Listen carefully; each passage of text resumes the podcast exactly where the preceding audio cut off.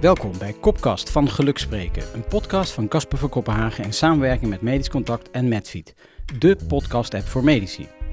Mijn naam is Casper van Kopenhagen, revalidatiearts en niet-praktiserend sportarts. De theatervoorstelling van Joris Luijendijk over zijn boek De Zeven Vinkjes triggerde mijn interesse voor het thema diversiteit en inclusiviteit. De medische wereld is allesbehalve divers of inclusief. Waardoor we bijvoorbeeld niet aan lijken te sluiten bij onze patiëntenpopulatie met andere culturele en sociaal-maatschappelijke normen, waarden en problemen. We weten bovendien dat diversiteit in teams en organisaties leidt tot meer creativiteit, innovatie, werkplezier, welbevinden en dus een duurzame inzetbaarheid van het zorgpersoneel. De medische wereld moet verder in transitie. Van een oorspronkelijk wit mannenbolwerk naar een diverse en inclusieve kleurschakering. Van dit thema heb ik als witte heteroman van 50 plus op voorhand weinig verstand. Dus ga ik de komende maanden op onderzoek uit en in gesprek met een aantal dedicated experts.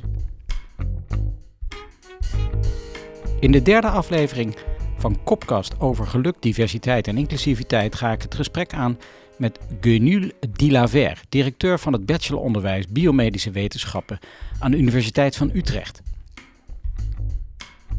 Het is, uh, het is 27 oktober 2023 eh, en u luistert alweer naar de derde aflevering van Kopkast over geluk, diversiteit en inclusiviteit.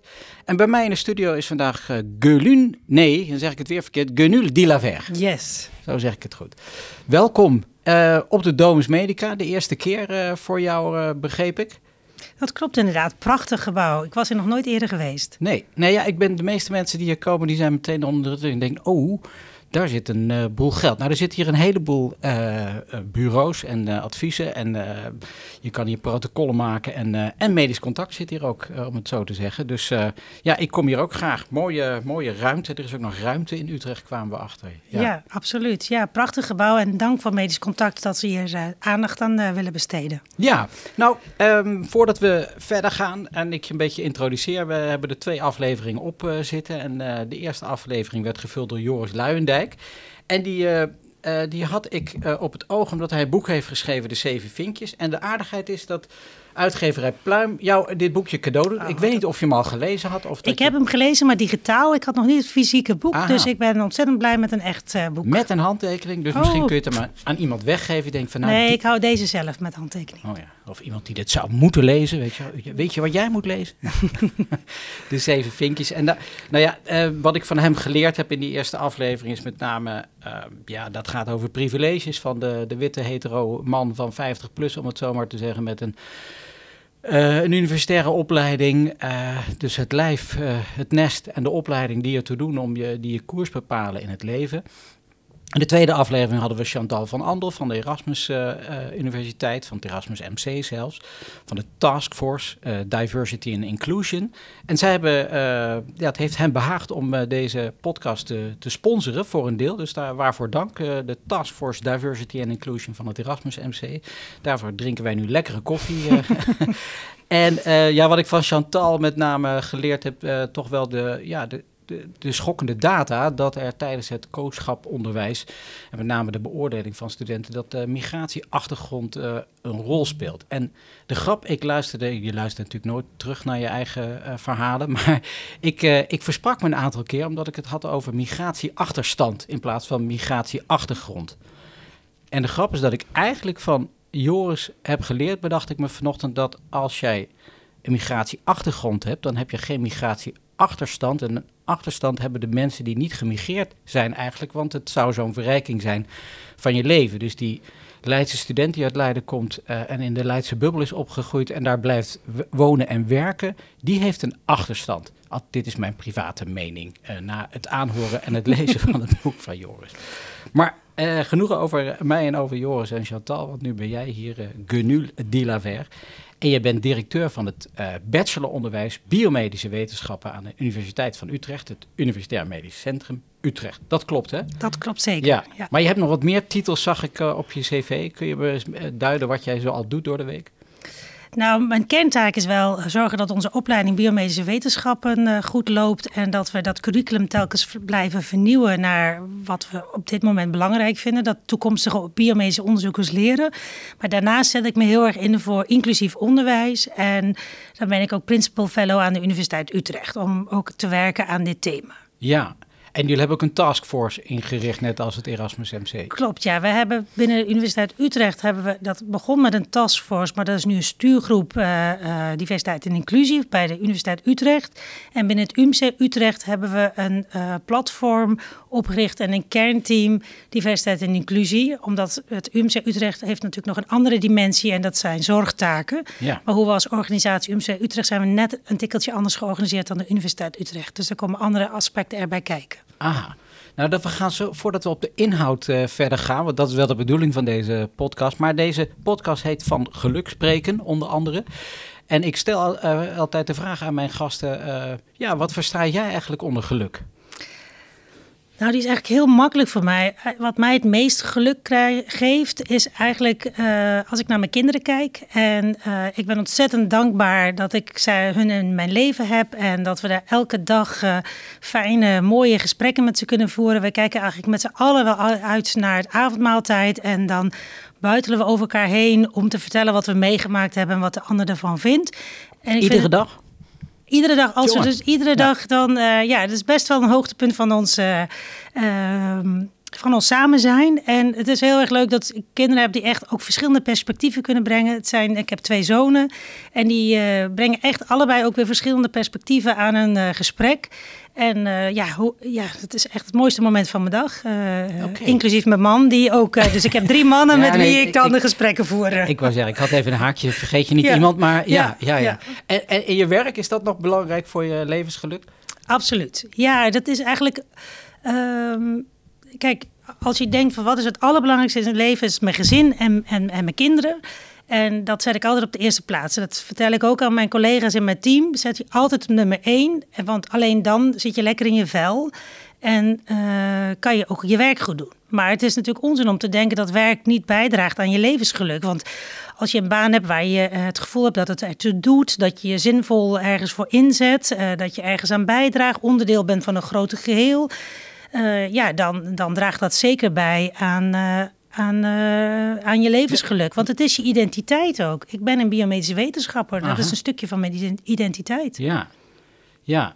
Ja, dat is best gevaarlijk dan. Want als je dan opeens geen biomedische wetenschapper bent, wat ben je dan nog? Maar dan heb je nog genoeg bouwstenen om.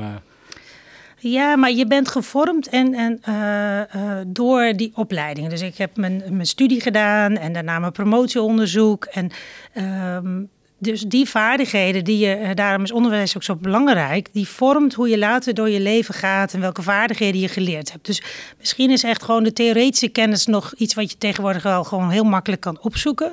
Maar hoe denk je na over onderzoeken? Als je vraagstellingen hebt, dat je eerst literatuur opzoekt, dat je nadenkt, dat je een plan maakt, dat je het uitzoekt of het klopt.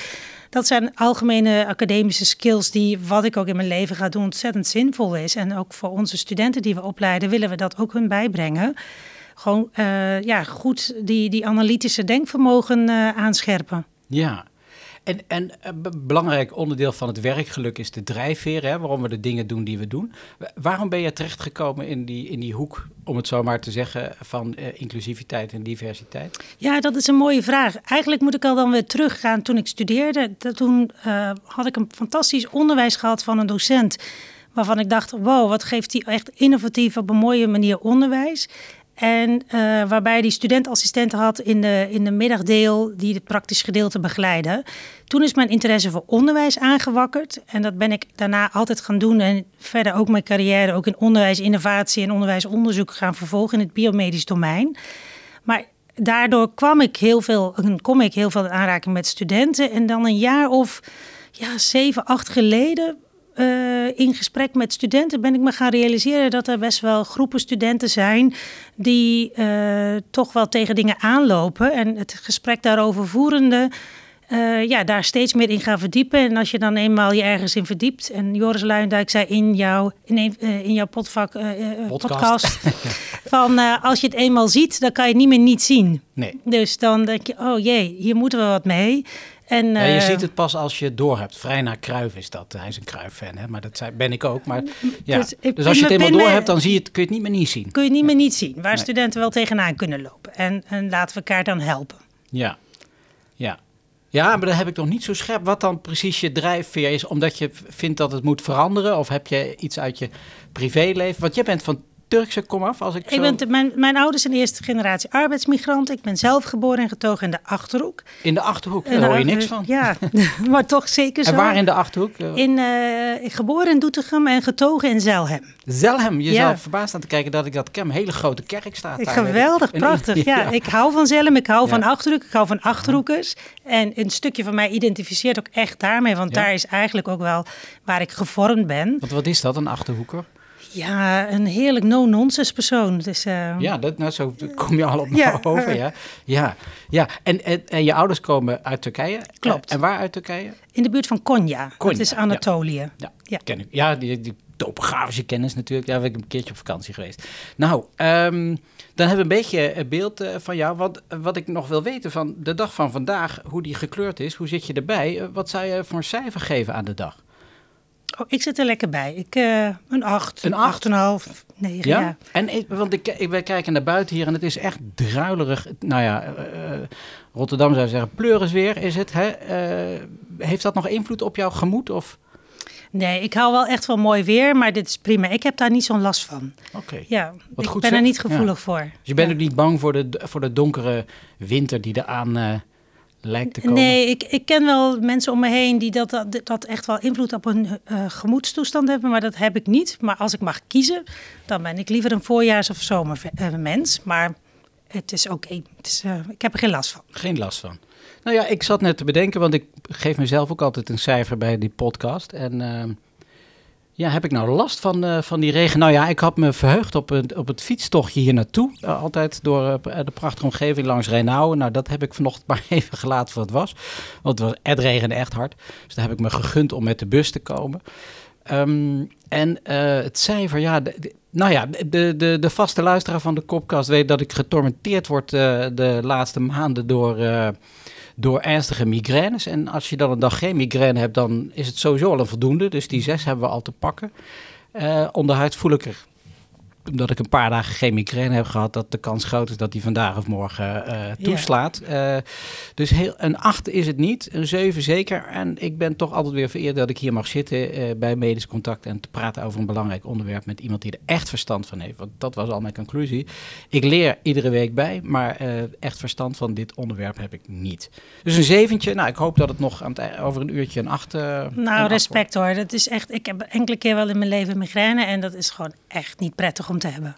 Ja, nou, dat, is- dat is lief van je. Dat is het zeker niet. Ehm, we moeten er ook geen eh, medische podcast eh, van nee, maken. En nee, nee. Nee, we moeten het ermee doen, hè? Ja, we moeten het, ja, ik, ik, heb, ik heb ermee te dealen. En, dat is, eh, en we zitten hier gewoon zuiver therapeutisch. Hè? Dus je, ja, je krijgt nog een rekening van, of andersom, je stuurt maar een rekening als ik er ben van opgeknapt. Zeg maar. Ja, het is goedkoper dan de psycholoog. Ehm, we gaan het hebben over diversiteit en inclusiviteit. Dat hebben we het al een beetje. Maar is dat nou eigenlijk wel, eh, is dat nou eigenlijk wel belangrijk? Moeten we, moeten we het daar wel over hebben? Ja, in mijn inziens enorm. Dus eh, ehm, ik ben de afgelopen jaren heb ik me er heel erg in verdiept en ben ik erachter gekomen dat het echt een onderwerp is waar we met z'n allen en zeker in de medische wereld er aandacht aan moeten besteden. Ehm, en er zijn verschillende redenen voor. In de eerste plaats eh, sociale rechtvaardigheid. Hè. Al- Als er mensen zijn die de capaciteit en de cognitieve vaardigheden om te komen studeren bij ons, dan wil je dat ze op een manier door die studie heen lopen dat ze daar heel veel van leren en groeien en dezelfde kansen en mogelijkheden krijgen. En tegelijkertijd, ja, als je kijkt naar de spreekkamer, dan is eh, de mensen die om zorg vragen heel erg divers. En je wil dat eh, onze toekomstige studenten opgeleid worden dat ze die eh, eh, cultuursensitieve zorg kunnen leveren. En tegelijkertijd eh, ja, dat dat onderwijs zo ingericht is en de kennis daarover, dat ze die diverse perspectieven eh, eh, daarvan met elkaar kunnen leren. Dus als we onze diverse studenten dezelfde kansen bieden, tegelijkertijd wij met z'n allen kunnen er ons voordeel mee doen om in die diversiteit ehm, van elkaar te leren voor die diverse zorg die geleverd moet worden. Ja, Want op dit moment, als we nu uh, zeg maar een, uh, een, spiegel voorhouden aan de medische wereld, dan is de conclusie dat we toch een van oudsher wit mannenbolwerk zijn. Uh, de, de zeven vinkjes, daar struikelde je over toen ik begon met studeren in 1842, zeg maar. Um, en de transformatie heeft al ingezet nadat het een vrouwenbolwerk aan het, uh, aan het worden is. Dat mag ik hier ook wel concluderen. Zeker als ik kijk naar mijn eigen vakgebied. Nou ja, uh, dat is bijna 90% is daar uh, vrouw in de revalidatie en in het ziekenhuis. ik ben in Utrecht ben ik opgeleid ook biomedewetens, biomedewetens, bio, het eerste jaar gemeenschappelijk biomedisch onderwijs. Ja, kan. Ja. Gaat ineens een luikje open. Ja, ik moest het hele jaar pipeteren, weet ik nog. Ja, daar heb ik ook heel veel gedaan. Dat is het leukste wat er is. Als ja. iets mist, wat ik niet meer op het lab zit, is het pipeteren. Oh ja, en, uh, ja maar dat is waarom ik dokterberg word. Ik dacht, wat is dit joh? Ik moet, ik moet uh, pipeteren. En, en, en dat ging nog maar even door ook. Want we hadden gezamenlijk met uh, gemeenschappelijk onderwijs. Nou, ik dwaal even af, maar onze collegezaal was minimaal voor de helft al gevuld met vrouwen. En daarna is in de afgelopen 20, 30 jaar hier in Utrecht zeker 80%. Maar vooral witte vrouwen, om het mhm. zo te zeggen. Dat is zoals we, als we nu een doorsnee uh, maken door de populatie. En jij zegt, um, daarmee mis je. Um, dat is weinig, dat is redelijk exclusief te noemen. Daarmee mis je de dialoog met mensen die anders denken, andere achtergrond hebben, andere uh, uh, normen en waarden hebben. Ja, die diversiteit neemt gestaag toe. Hè. Laten we dat wel voorop uh, stellen. Dus er steeds meer uh, jonge mensen weten de weg ook naar Utrecht te vinden. En steeds meer mensen komen ook door die selectie heen. Maar als je kijkt, als je een, een, echt een hoogover analyse maakt, dan zie je toch een leaky pipeline. Dus dan zie je dat, uh, dat de studenten, als je kijkt naar studenten met een migratieachtergrond, uh, zoals we dat dan noemen, dan zie je dat uh, de weg, gaandeweg naar VWO er studenten uitvallen die het misschien wel hadden kunnen doen als ze in een ander milieu waren opgegroeid. Je ziet dat er soms studenten uitvallen in selectie. En je ziet dat uh, tijdens de bachelorfase, na de masterfase, misschien PhD en een echte een duurzame carrière, dat we gaandeweg echt uh, ja, mensen verliezen. En iemand die een VWO-diploma heeft gehaald, iemand die vervolgens een uh, bachelor-diploma geneeskunde heeft gehaald of biomedische wetenschappen en, en ga zo maar door. Dat zijn natuurlijk in theorie cognitief uh, goede studenten. want, uh, want anders halen ze. Dus er zijn nog andere dingen die ertoe doen dan alleen het formele curriculum, zoals ik dat dan noem. En ik praat heel erg dan ook over een hidden curriculum. Dus als ik kijk vanuit mijn onderwijsbril op, dan zie je in dat proces van uh, langzaam zo je, je ontwikkeling te maken tot het worden van een dokter of een biomedische wetenschapper, waar ik me dan in het bijzonder, maar ik denk dat het voor elk vakgebied wel gekend, dan zijn er soms do's en don'ts en normen en waarden en hoe gedraag ik me, die er ook bij kunnen dragen of je gezien wordt en of je opgemerkt wordt en of je net iets meer in de smaak valt. Waardoor uh, ja, er onbewuste uh, handelingen zijn die ehm, ja, die het maken of je uh, wel of niet die baan krijgt. Of wel of niet uh, bepaalde posities kan verkrijgen. Ja, de zittende cultuur heeft een bepaalde cultuur door ja. uh, traditie en ontwikkeling. Waar je wel of niet in past. En dat is natuurlijk vaak het beeld wat dan bij die cultuur hoort van als je er niet in past, dan heb je er niks te zoeken. Terwijl de, de vaardigheden en de kwaliteiten natuurlijk uh, ruim voorhanden zijn bij de meesten die dat ambiëren. Dat klopt. En uh, kijk, die zittende cultuur, ik ben heel erg van de verbinding. De zittende cultuur is ook opgegroeid in een bepaalde bu bubbel. En veelal zijn het hele goede, fantastische mensen die best van goede wil zijn. Alleen wat het nodig is, is dat we met elkaar dat gesprek gaan voeren. Dat we hier langzamerhand bewustzijn over krijgen. Dus in mijn uh, uh, verdieping in dit onderwerp ben ik me gaan realiseren dat als je uh, eigenlijk met z'n allen er wel van wil profiteren en dat het iedereen te goed komt, dat we dan een integrale aanpak nodig hebben. Dat we met elkaar kijken van hé, hey, hoe zijn we nou eigenlijk gerepresenteerd, zowel binnen de studenten is het een, een, een uh, ja, kan je de, de, samenleving erin terugzien voor wat haalbaar is?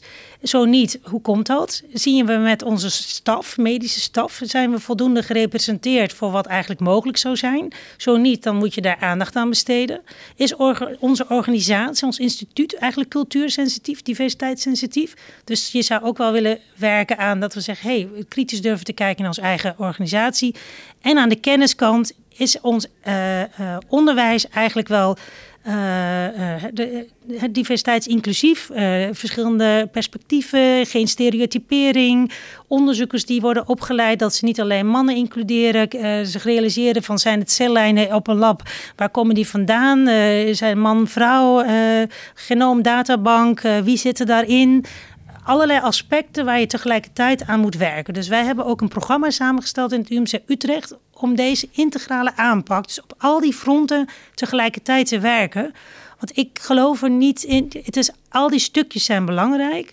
Maar we moeten dat integralen. Want anders doe je één dingetje. En als onze studenten zich iets realiseren. en ze komen volgens in de organisatie. en medische opleiders zijn zich nergens van bewust. dan komen ze toch weer in uitsluitingsmomenten terecht. Dus we moeten mhm. het met elkaar doen. Dus we werken ook aan de docentkant. Ja, zo, dat zijn een boel aspecten waar, wat, die op jouw bordje ligt. En ik zit me, terwijl ik dit allemaal aanhoor, denk ik, ja, toen ik dus in 1842 de opleiding deed, 1989 tot nou, eh, eind jaren 90 zeg maar, toen eh, woonde ik en werkte ik en leefde ik ook al in een inclusieve omgeving, om het zo te zeggen. Maar was dit toen ook al een thema of heb ik dat gewoon niet gehoord? Of is dit echt iets wat we aan deze tijd toeschrijven?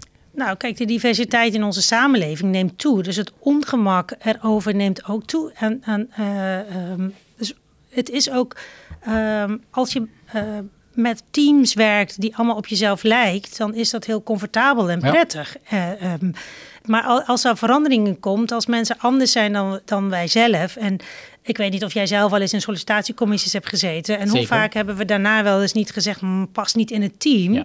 Mijn uitnodiging aan, aan mijn collega's is om een keer iemand aan te nemen, juist omdat hij niet in het team mm. past. Maar dan, uh, dat kan op alle facetten. Dus dat is ook waar ik me nu heel erg voor inzet. Hoewel mijn interesse heel erg begonnen is vanuit hè, met, met een migratieachtergrond, studenten die misschien zelfs derde generatie zijn inmiddels. Hè, wil je die eigenlijk nog wel mensen met een migratieachtergrond? Nou, die discussie laten we even in het midden.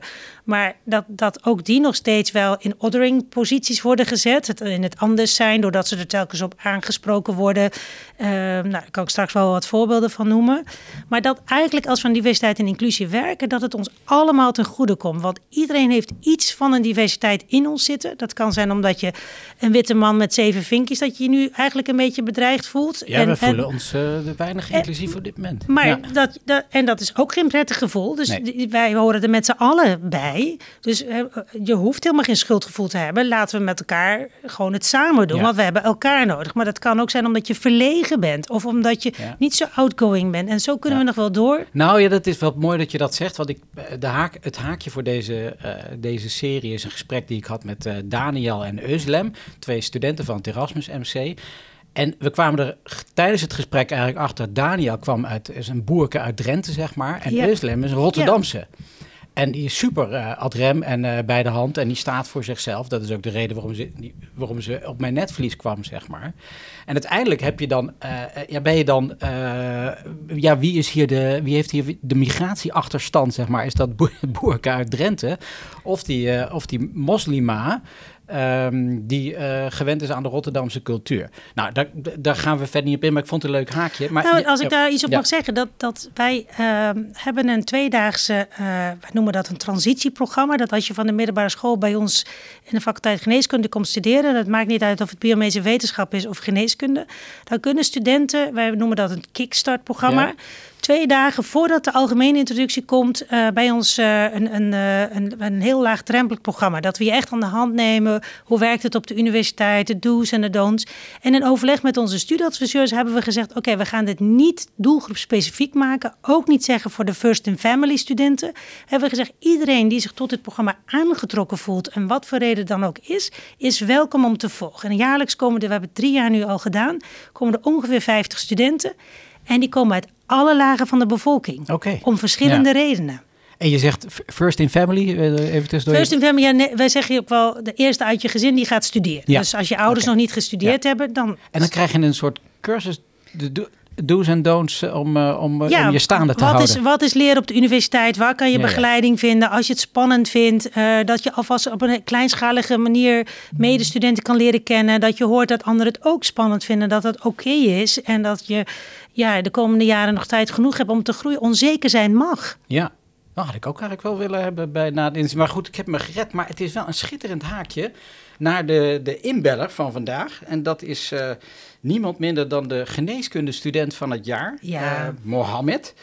Hartstikke goed. En we gaan natuurlijk, we gaan, het is een student, dus je weet niet of hij opneemt. Dat moeten we even afwachten natuurlijk. Je Volgens mij is een hele verantwoordelijke student. Ja, ik zou het, ja daar, daar zeg je iets. Ik zou eigenlijk denken, nou ja, ik hoop dat hij ergens brak ligt.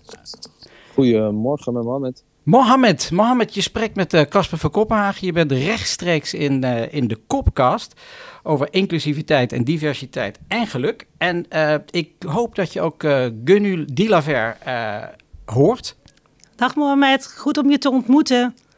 Zeker, insgelijks, insgelijks. Ik hoor u luid en duidelijk. Ja, nou, nou dat, dat is een halve geen ruis op de lijn. En ik zeg net tegen Gunul, zeg ik, ja, ik hoop eigenlijk dat hij nog, uh, dat hij nog in zijn bed ligt. Want uh, toch een beetje het beeld van de student. Maar ik vrees dat, of vrees het eigenlijk niet. Ik, wij denken dat jij een heel verantwoordelijke student bent. Klopt dat? Dat klopt zeker, maar het eerste wat je zegt klopt ook. Ik heb namelijk een nachtdienst achter de rug. Oh joh! Oh, oh en op ja. welke afdeling? op uh, de somatiek afdeling in het verzorgingstehuis. Oh, als, uh, als vrijwilliger of als uh, student of als, als, als baan? als verzorgende, als baan. Ah, als baan. Want ik, ja. we hadden, ik had je van de week in de lijn, toen dacht ik dat je een paar dagen vrij had. Ik dacht, nou, dat gun ik die jongeman ook, maar je bent toch aan het werk? Ja, de, de lening moet toch afbetaald worden, ben ik bang. Oh. ja, ja. Hey, en, en, of ik zeg, hey, Mohammed uh, Badeu, ja. ik, zeg ik het zo goed? Ja, Bedel. Bedel, Bedel. Um, jij bent recent gekozen tot geneeskundestudent van het jaar. Um, vertel eens, waarom heb jij die prijs eigenlijk gewonnen? Nou, die prijs heb ik dus gewonnen omdat ik samen met uh, een aantal andere geneeskundestudenten een stichting heb opgericht. Stichting Medition.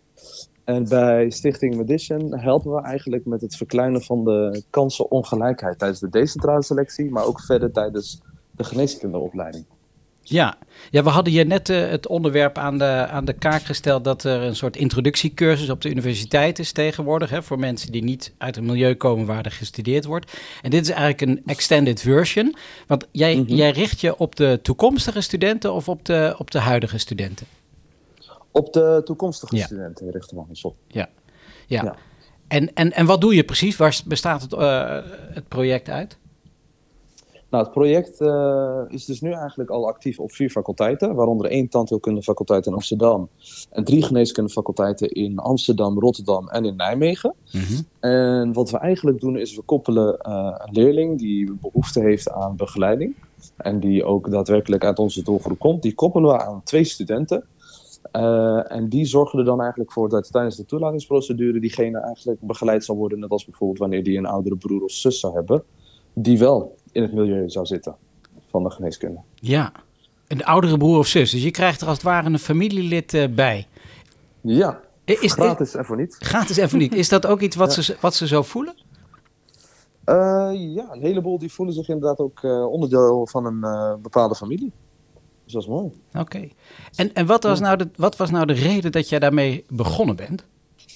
Nou, ik merkte toch dat uh, samen met, met, met mijn medeoprichters, dus Shahid, uh, Sammy en Damian, merkten we in 2019, aan het einde van ons eerste jaar, merkten we dat we eigenlijk heel erg veel uh, behoefte hadden aan begeleiding. Tijdens zowel ons eerste jaar geneeskunde, als ook tijdens de, de toelatingsprocedure. We merkten bijvoorbeeld dat we echt met heel veel vragen zaten omtrent verwachtingen, van wat we konden verwachten. Maar we hadden ook wel eens gewoon echt iemand nodig waarmee we konden sparren om te kijken van, joh, wat is handig om te doen of niet handig. Uh, nou ja, goed. Toen zijn we een beetje, toen, toen zijn we er ook achter gekomen dat naast ons onze omgeving daar ook wel echt vraag naar had. En dat die ook met dezelfde vragen zat. Dus toen dachten we van, joh, weet je, laten we samen dan de kop bij elkaar steken. Um, iets oprichten, zodat we in ieder geval de, de, de mensen die na ons komen, zodat die wel een vraagbaken hadden. Een vraagbaken die wij dus toen gemist hadden. Ja, en, en nou, me, dan melden zich mensen, studenten bij jou aan, of toekomstige studenten bij jou aan. En heb je dan een 100% score voor die mensen? Nee, wij zijn daarin eigenlijk heel realistisch met iedereen. Uh, wat we eigenlijk doen is, we, we begeleiden je eigenlijk vanuit je kracht. Dus heel veel hangt ook echt af van de leerling. We zeggen ook altijd aan het begin van, hè, we verrichten geen wonderen. Nee. Kunnen je ook niet garanderen dat je binnenkomt okay. op de opleiding waar je wil komen. Uh, maar we doen wel natuurlijk onze best. En wat we daarnaast ook nog doen, is dat uh, als iemand bijvoorbeeld niet op de opleiding binnenkomt, dat we dan ook verder kijken van, joh, weet je, hoe kunnen we dan een tweede poging uh, ingaan met een betere voorbereiding? Of is er wellicht toch iets anders wat je heel leuk vindt en misschien ook nog zou willen bekijken qua studie? Aha, dus ook een stukje de stichting nazorg is er, is er nog. Ja, precies. Oké. Um, nou, vind ik daar uh, van alles van. Hè? Dat heb, je, ja. heb ik je in het voorgesprek al gemeld. Misschien moeten we het daar zo even over hebben. Maar uh, ja, aan jou de eer om, uh, om ook een vraag die je voorbereid had voor uh, Gunul te stellen. Hè? Ben benieuwd, Mohamed. Maar goed bezig hoor. Yes, dankjewel. Nou, ik heb u natuurlijk ook opgezocht omdat ik zag van, dat u inderdaad een hele mooie functie had. Ja, en daar stond nog niet eens bij, dat is even hier leuk om te benoemen, dat Gunul binnenkort wordt aangesteld als hoogleraar aan het ja, dat klopt. Dat oh. hoop ik binnenkort te mogen worden, inderdaad. Ja, ja, ja, ja. en dan moeten we helemaal u zeggen. Ja. Oh nee, alsjeblieft. ja, ja. Nee, dus een indrukwekkend cv, die, had ik je, die hadden we even samen opgezocht. Maar eh, daar hoort, komt dus nog wat bij. Maar goed, ik onderbreek je, excuus. Zeker weten. Nou, allereerst gefeliciteerd voor, met, met, met uh, althans gefeliciteerd en veel succes sowieso. Dankjewel, uh, Mohamed. En plezier. En plezier inderdaad, ja, want het werk moet natuurlijk ook leuk zijn. Zeker. Uh, maar dan had ik natuurlijk een vraag voor u, want door de jaren heen bent u veel in aanraking geweest op verschillende posities met, met verschillende facetten van diversiteit en inclusie. En ik vroeg mij af wat volgens u dan eigenlijk het meest hardnekkige probleem is op dat gebied. En wat volgens u de oplossing, de oplossing daarvoor zou kunnen zijn. Ja, dankjewel Mohamed. Ja, ik heb me de afgelopen jaren echt heel erg veel in verdiept. Heel veel gesprekken mogen voeren. Zowel aan de kant van de studenten als aan de kant van uh, de medische staf en, uh, en docenten en opleiders. En ik ben afgelopen jaren, zeg ik altijd op de universiteit, ook een beetje een sociale wetenschapper geworden. Want ik ben eigenlijk een beta-wetenschapper. Omdat je dus andere soorten literatuur leest en, en erin verdiept. En ja, ik kan niet anders tot de conclusie komen dan dat het, het een integrale aanpak vereist. En dat blijf ik echt herhalen, want we kunnen niet aan één knopje draaien en daarmee het probleem oplossen. Dus als ik kijk dit soort initiatieven van jou is echt fantastisch. Hè? Dus eh, dat is een schakel. Maar als je wil mhm. kijken naar een duurzame oplossing, dan moeten we als organisaties daar integraal, dus echt aan, naar onze selectie, aantallen, naar onze organisatie, hè? echt durven naar onszelf te kijken. Hebben we een bias? Zijn we diversiteitssensitief? En is onze kennis op orde? En moeten we meer kennis vergaren? Of moeten we ons onderwijs ook aanpassen om die cultuursensitieve zorg ook te kunnen verlenen? Dus, en daar, daar heb ik in onze organisatie, het UMC Utrecht, ook een soort position paper voor geschreven. Van als we hiermee aan de slag willen, dan moeten we daar integraal aan werken. Dat betekent dat je een soort tanker naar voren moet duwen. Hè? Dus dat, dat, dat een tank, dat het een tank is. Oh, tank. Ja, ja, ja. Dat je niet zomaar, no maar, niet zomaar dan grote stappen maakt. Maar dat is een, voor mensen in, in een rol als die van mij, mhm. kan ik me op die manier daar hard voor gaan maken. Maar daar binnenin hebben we op die drie vlakken uh, hebben we allerlei projecten, uh, hebben we allerlei aanvragen gedaan en subsidies gelukkig gekregen. Dat we dus of met PhD-studenten onderzoek doen om meer kennis te vergaren. Want kennis brengt dat je daar het gesprek beter over kan voeren. Uh, maar wat iedereen morgen kan doen, en dat is als mhm. iemand luistert en zegt: Ja, mooi die tank, maar wat kan ik doen? Ja, ik, stel, ik sta nog niet op die tank. Als eigenlijk het gesprek voeren. Dat is wat jij nu ook doet, Casper. Jij hebt gezegd: Goh, ik heb een boek gelezen, ik ben me gaan verwonderen. En ben met allerlei mensen gaan praten. Hoe is dat voor jou eigenlijk? Dus uh, als er opleiders zijn, als er medische staf is die nu luistert, de huisartsen. Uh, uh, medisch specialisten. En, en je werkt altijd met mensen samen. Gelukkig zijn er een heleboel diverse studenten, maar dat kan diversiteit in de breedste zin zijn. Dus niet alleen onze biculturele studenten, maar eigenlijk iedereen. Mhm. Zou je eens kunnen vragen: hey, ik heb naar een podcast geluisterd. En ik vroeg me af, hoe is dit voor jou eigenlijk? De hand uitsteken om dat gesprek te voeren. En dat ongemakkelijke gesprek moeten we met elkaar voeren om verder te komen. Want dan kunnen we elkaar ook beter bijstaan. Wat, denk je dat het een ongemakkelijk gesprek is? Soms, want het is aan beide kanten wel eens ongemakkelijk. Ik geloof wel, kijk, je wil niet voor de honderdste keer voor je, je Turkse afkomst aange... Uh, van, goh, je spreekt best prima Nederlands. Of zijn je ouders van jou ook van die Erdogan-stemmers? Of wat vind jij nou van Erdogan? En ga zo maar door. Dat is, en ga dat is, vragen. zijn onschuldige vragen. Alleen als... Uh, um, uh, diegene die hem stelt, die stelt hem één keer. Diegene die hem ontvangt, die krijgt hem honderd keer. Uh, uh, Mohammed, heel even. Ik, volgens mij sta je ondertussen ook nog multitaskend de afwas te, te doen. Klopt dat? Wist ik hoor wat nee, gerommel op de... achtergrond? Nee, mijn microfoon is heel goed. Maar ik doe even een deur dicht, want mijn moeder die staat in de keuken. Oh ja, ja, ja. Nou, geweldig beeld. eh, Maar eh, die stond wel de, eh, de vaat in te ruimen. Maar ik onderbrak Ja. je zo. Ja, dus dat is. eh, maar als je vanuit een oprechte interesse dan zegt: Mhm. Goh, ik wil me eigenlijk hier eens wat meer in verdiepen. En, en dat je de ander wil leren kennen. En ook eh, zeker mensen in de wat hi- hiërarchisch hogere posities ten opzichte van studenten. kunnen de verbinding te zoeken door te zeggen: van hé, hey, als je ergens een keer tegenaan loopt. of je ziet momenten van uitsluiting. Ik wil hier als. eh, als ons team of onze afdeling hier wel eh, mijn ogen voor openen, helpt mij om mijn ogen te openen. Dus als een leidinggevende posities kunnen de eerste hand uitsteken om met elkaar ook de ruimte te bieden voor mensen die ergens tegenaan lopen, dat gesprek te kunnen voeren. Ja, wat, Mohammed, eh, herk- herken je dit of erken je dit? Zeker weten. Ik, eh, nou we- u noemt het eigenlijk ook net heel goed. Eh, eigenlijk zou het systeem op de schop moeten. En we hebben het natuurlijk ook daarover gehad, of althans Casper en ik hebben het er inderdaad ook even kort toen over gehad. En eigenlijk zijn wij van binnen Medition zijn we ook van mening van dat Medition eigenlijk niet zou hoeven te bestaan in de ideale situatie. Ehm, Ja ik, nou ben blij, het- ja, ik ben blij dat je dat zegt, want dan, hoef, dan ben ik niet de boeman, hoewel ik dat eigenlijk Nee. best wel kan zijn. Maar wat, eh, ik, geweldig wat je gedaan hebt en terecht dat je daarvoor beloond wordt. Maar je, je, eh, je houdt het systeem, wat eigenlijk ziek is, wat, als ik dat even zo mag noemen als dokter zijnde, ehm, hou je daarmee in stand. Want je kopieert eh, zeg maar de levensloop van die witte zeven vink en zes vink cultuur. Die kopieer je om mensen een kans te geven.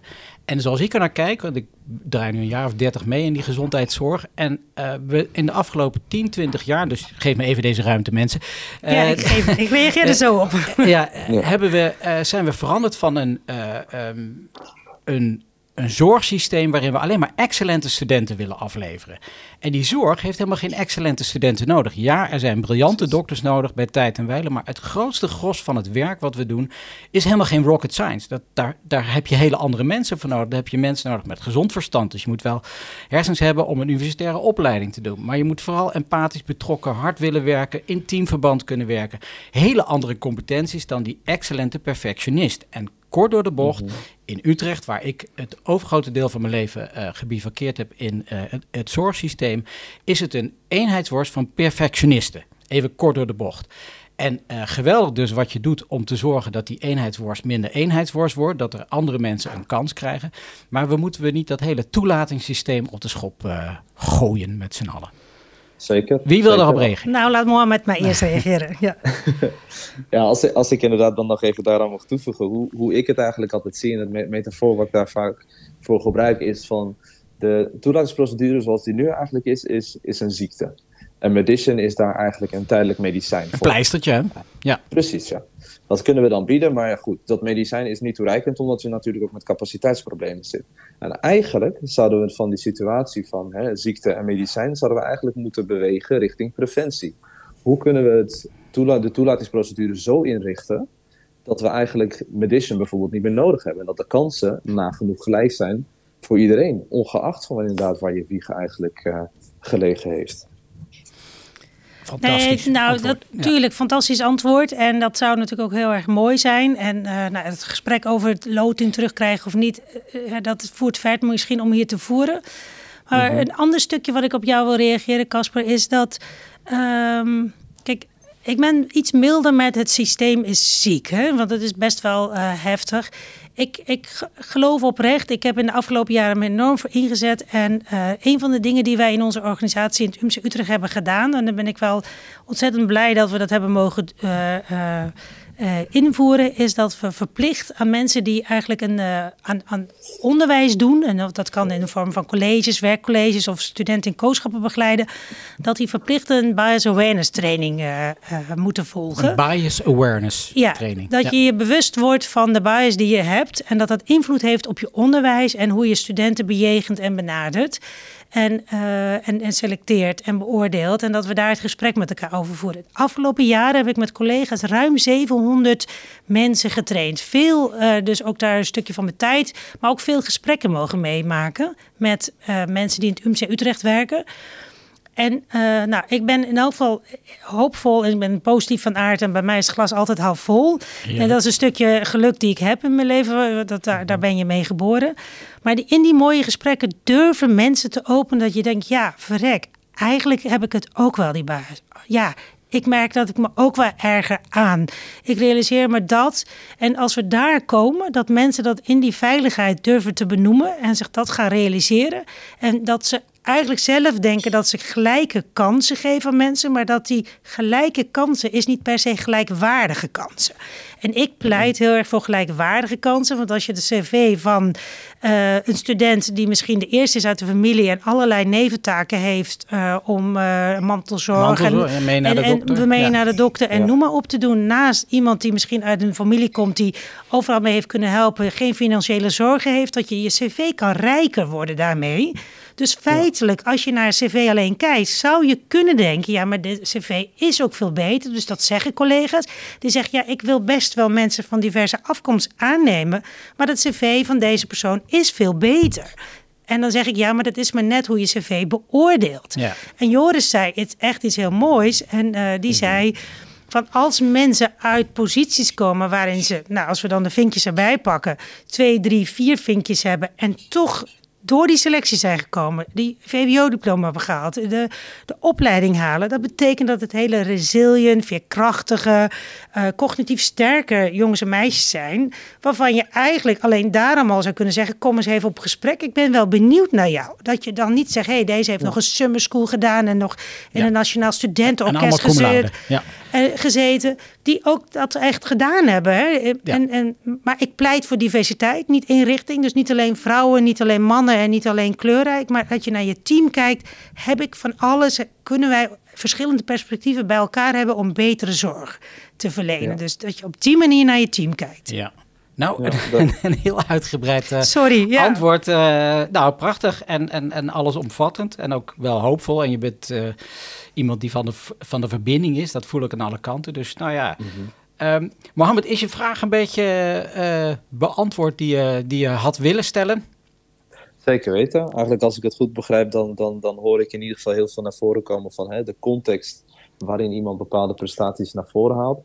Maar ook inderdaad diversiteit eigenlijk in bredere zin. Dus daar ben ik, eh, ik ben blij om dat in ieder geval te horen. Nou, Ja. fijn. En Mohamed, misschien moeten wij op een later moment nog eens samen doorpraten. Ik leer je graag nog beter kennen. Ja, nou ja, de, de Zeker verbinding is eh, gemaakt. Ik kan, ik kan jullie 06 met elkaar verbinden. Dat mag zeker. Eh, maar die, de verbinding Zeker. is er al. En ik ben ook hoopvol dat jij eh, dit project waar je nu dan eh gelauwerd en gelouterd ja, voor wordt. alleen dat- maar respect hoor. Ja, Echt, maar je dat- doet het er allemaal maar bij. Ja. ja, ja, en dan zeggen we meteen. En ik hoor ook al een vervolgproject. En eh, als jij uitdraagt wat je nu uitdraagt, ja, dan, ehm, dan heeft dat alleen maar meerwaarde. Dank daarvoor, eh Mohammed Bedouw. Zeg, zeg, nou, Bedel. Bedouw. Ja, Bedouw. precies. Heel goed. er meer a- achter in de Trots op ja. je. Ja, wij zijn trots op je. En eh, nou, eigenlijk zou ik zeggen, duik je bed eh, weer in. Laat je moeder even goed voor je zorgen. Die stond al te koken, heb ik het idee. Ehm, eh, en succes. Heb je morgen ook weer een, vanavond weer een nachtdienst? Nee, vanavond ben ik lekker vrij, dus dan kan ik even uitrusten. Oké. En je eerstvolgende eh stage, werkplek, ben je al kooschap aan het lopen eigenlijk? Ja, vanaf maandag begin ik eh, met mijn kooschap eh, huisartsgeneeskunde in Eh, Purmerend. Je begint en dan kom je binnen. Ik ben, ben Mohammed en eh, ik ben geneeskundestudent van, van het jaar. Nou, dat, ja. Nou, het is, het is wat. Ja. Het, is, het is een mooie, mooie eer en eh, ik hoop dat je me alle eer aandoet. eh Mohammed, succes met je carrière en loopbaan verder. Yes, dankjewel voor die tijd. Ja, Tot en ziens. dankjewel. Hoi. Yes, tot ziens, dag. Ja, die heeft natuurlijk nu al een cv van je welste, zeg maar. Absoluut. Ja, trots hoor. vent. Ja, nee, natuurlijk. Ja, maar mooi ook dat hij die slag die wij, eh, we hadden het een beetje voor eh, besproken. En eh, toen schoof ik ook zo uit, of schoot ik uit mijn slof. eh, in de zin van, je kan er ook heel anders naar kijken. Ehm, we, we moeten het anders doen. Nou, daar zijn we het over eens. Nou, heb jij ehm, een aantal dingen gezegd die, eh, die je doet eh, terloops en eh, in, in vloeiend betoog. Ehm, maar als ik me nou ehm, morgen meld als eerstejaarsstudent geneeskunde, ik ben aangenomen dankzij het programma van Mohammed. En ik heb die introductiecursus gevolgd. Wat is dan het volgende wat ik merk tijdens mijn onderwijs? Is, wat, dat is ook een verantwoordelijkheid. Wat, wat merk ik dan aan die inclusiviteit en diversiteit tijdens mijn onderwijs? Nou, kijk, wij zijn wel een organisatie die uh, de eerste jaren enorm aandacht heeft besteed aan, om, om onszelf te onderzoeken. En, en we hebben inmiddels een heleboel uh, dingen ontwikkeld en zijn ermee bezig om dat te verbeteren. Dus dan het volgende is het onderwijs zelf. Dus zo'n student loopt onderwijs. Dus wat wij de komende jaren gaan doen, is dat we zowel bij BMW als geneeskunde ons curriculum scannen dat we eventuele stereotyperingen eruit gaan halen. Dat de homoseksuele man die erin getypeerd wordt, dat dat niet alleen uh, een persoon is die HIV kan krijgen. Zal we daar zorgvuldig naar kijken. Zo was het uh, een van de dingen die we bijvoorbeeld samen met een uh, wetenschapsstudent hebben geanalyseerd, was het dermatologieonderwijs. Ja. En nou, toen zagen we dat er eigenlijk heel weinig plaatjes van mensen met zwarte huiden waren. En in samenwerking met een docent dermatoloog toen, uh, ja, dat hij ook zei: Oh jeetje, nou, ik uh, heb zelfs in uh, landen gewerkt waar mensen allemaal zwarte huiden hadden. En ook ik had nog steeds een bias dat eigenlijk ons onderwijs heel erg ehm, met alleen maar witte plaatjes was. En stel je voor bijvoorbeeld het, als je wordt gestoken door een teek en, en, en je krijgt. ziekte van Lyme, dan, ja. is dan kennen we allemaal die rode cirkel. die zie je niet, die zie je niet op een zwarte huid. Nee. En dat was niet in het onderwijs aanwezig. Nee. Toen hebben we met die student ook alle Nederlandse dermatologieboeken geanalyseerd. Toen hebben we gekeken, nou, we zijn eigenlijk wel benieuwd. Er waren zes boeken die in Nederland vrij prominent gebruikt worden in geneeskundecurricula. Nou, dan is het schrikbarend. Amper 3% van de plaatjes bevatten uh, zwarte huiden. Ja. En dat hebben we in Nederlands tijdschrift voor geneeskunde gepubliceerd om met elkaar er bewust van te worden. En eigenlijk, en dat is wat mijn hoopvol is, is ook dat die dermatologen met wie we dat hebben besproken, die zeggen, uh, ja, het is helemaal geen be de bewuste actie. We gaan eens even al die mensen uitsluiten. Maar dan die, die, die, die, dat materiaal is ooit ontwikkeld en dat gebruiken we elke keer maar. En dan, uh, we denken er niet bij na. Dat we denken er niet meer bij na, maar we sluiten onbewust uit. Want wat het, het, doet twee dingen. Eén, je kan als toekomstige dokter geen goede zorg verlenen. En twee, mensen met zwarte huiden die in de collegezaal zitten, die herkennen zichzelf niet terug. Die worden niet gerepresenteerd in studiemateriaal, alsof ze er niet toe doen. Dus het heeft tweerichtingsverkeer effect. En op die manier, als we dat soort dingen identificeren kunnen we daar wat mee doen om dat aan te passen. Niet van, oh, uh, met de vingerwijzing, je hebt het fout gedaan, maar meer van, hé, hey, er zitten misschien nog wat hiaten in onze kennis, in ons onderwijs en op die manier. Oké, okay, helder, mooi voorbeeld. Uh, gelukkig de laatste tijd al vaak gehoord. Dus dat uh, betekent dat die awareness die, die, die groeit, die, hè? die is gaande. Ja. In het compendium ja. is het ook volgens mij een, een, een helder dat dat aandacht verdient. Um, wat ik zat te denken. Um, nou mag jij morgen een, uh, een collegezaal, dit is een beetje de Twan Huis uh, vraag van college toe, een, een, collegezaal toespreken over diversiteit en inclusiviteit. Je hebt al die voorbeelden genoemd. Maar wat zou je nou tegen die studenten willen zeggen? Wat moeten zij nou doen de komende zes jaar, dat zij hun opleiding volgen, zodat ze um, zich wat meer uh, richting die diversiteit en inclusiviteit bewegen? Ik zou tegen alle studenten willen zeggen, hoewel het ontzettend fijn is om vriendjes en maatjes en collega's te hebben die op je lijken, waardoor je op je gemak voelt en prettig voelt. Omdat als je hetzelfde leuk vindt, dan zit je ook lekker in de, in de, in, met elkaar. Maar je kan alleen uh, uh, creatieve, mooie, innovatieve zorg ehm, ontwikkelen of creëren of doen als je met elkaar met een diverse perspectieven naar een vraagstuk, een challenge kan kijken. Dus uh, zorg ervoor dat vandaag begin je met je netwerk bouwen. Dus uh, als, als je denkt van oké, ik ben nu gewoon student en over zes jaar zie ik dan wel weer. En, en ik hou me nu nog lekker in mijn eigen bubbel. Welke student het ook is, je kan zoveel van elkaar leren. Als je een opdracht hebt, als je over dingen nadenkt, zorg dat je zo divers mogelijk bent in de breedste zin van het woord. Want op die manier vertegenwoordigt de samenleving. Op die manier kan je de vraagstukken het beste beantwoorden. Dat zou mijn advies zijn. Je moet divers zijn diverse teams zijn om divers te kunnen handelen. Ja, en dat betekent dus dat ik een praatje moet gaan maken, contact moet, moet gaan maken met degene, of mag, mag gaan maken met degene uit mijn jaar, waar ik op voorhand het minste mee heb. Dat zou eigenlijk het mooiste zijn. Dat zou het mooiste zijn. Ja, ja dan zijn we inclusief. Ja. Nou, dan kijk, inclusief zijn betekent ook dat je de ander uh, waardeert en respecteert zoals die is. Uh, dus dat is één ding. Uh, maar als de sense of belonging zoals we dat noemen, van, van een ieder. En daarnaast ook de authenticiteit. Dat, dus niet alleen dat we ervoor zorgen dat mensen erbij horen, maar ook zichzelf mogen zijn. Dat zijn twee belangrijke voorwaarden. Dat in elk, elk student lekker in de vel zit en als minimale voorwaarde om goed te kunnen leren en te presteren. En daarnaast dat, je je, dat we ieder ons voordeel van kunnen doen om diverse perspectieven in je vraagstukken mee te nemen. Nou, prachtig, daar kunnen de studenten mee voort. En ook met jouw tip kunnen de, de ouderen onder ons mee voort. Dat als je iemand nieuw aanneemt, dat je eens iemand neemt die niet in je Die niet eh, op je lijkt. Die Precies. niet op je lijkt, ja. Heel verlegen is of anders denkt of noem maar op. ja. Er anders uitziet. Het is een verrijking, zeggen we dan. Ik denk dat het echt een verrijking is. Er is ook heel veel literatuur, als ik dat nog mag aanvullen. Mhm, zeker. Is, is, is, eh, ehm, nou, een, bijvoorbeeld, een voorbeeld is eh, in, in, eh, in hart- en vaatziekteonderzoek. Decennia lang hebben mannen onderzoek gedaan naar hart- en vaatziekten. En Op pas mannen ook. op mannen, Ja, ja. dus in het bijzonder. Dus dat betekent dat alle, eh, dat onderzoek is allemaal hartstikke fantastisch goed uitgevoerd.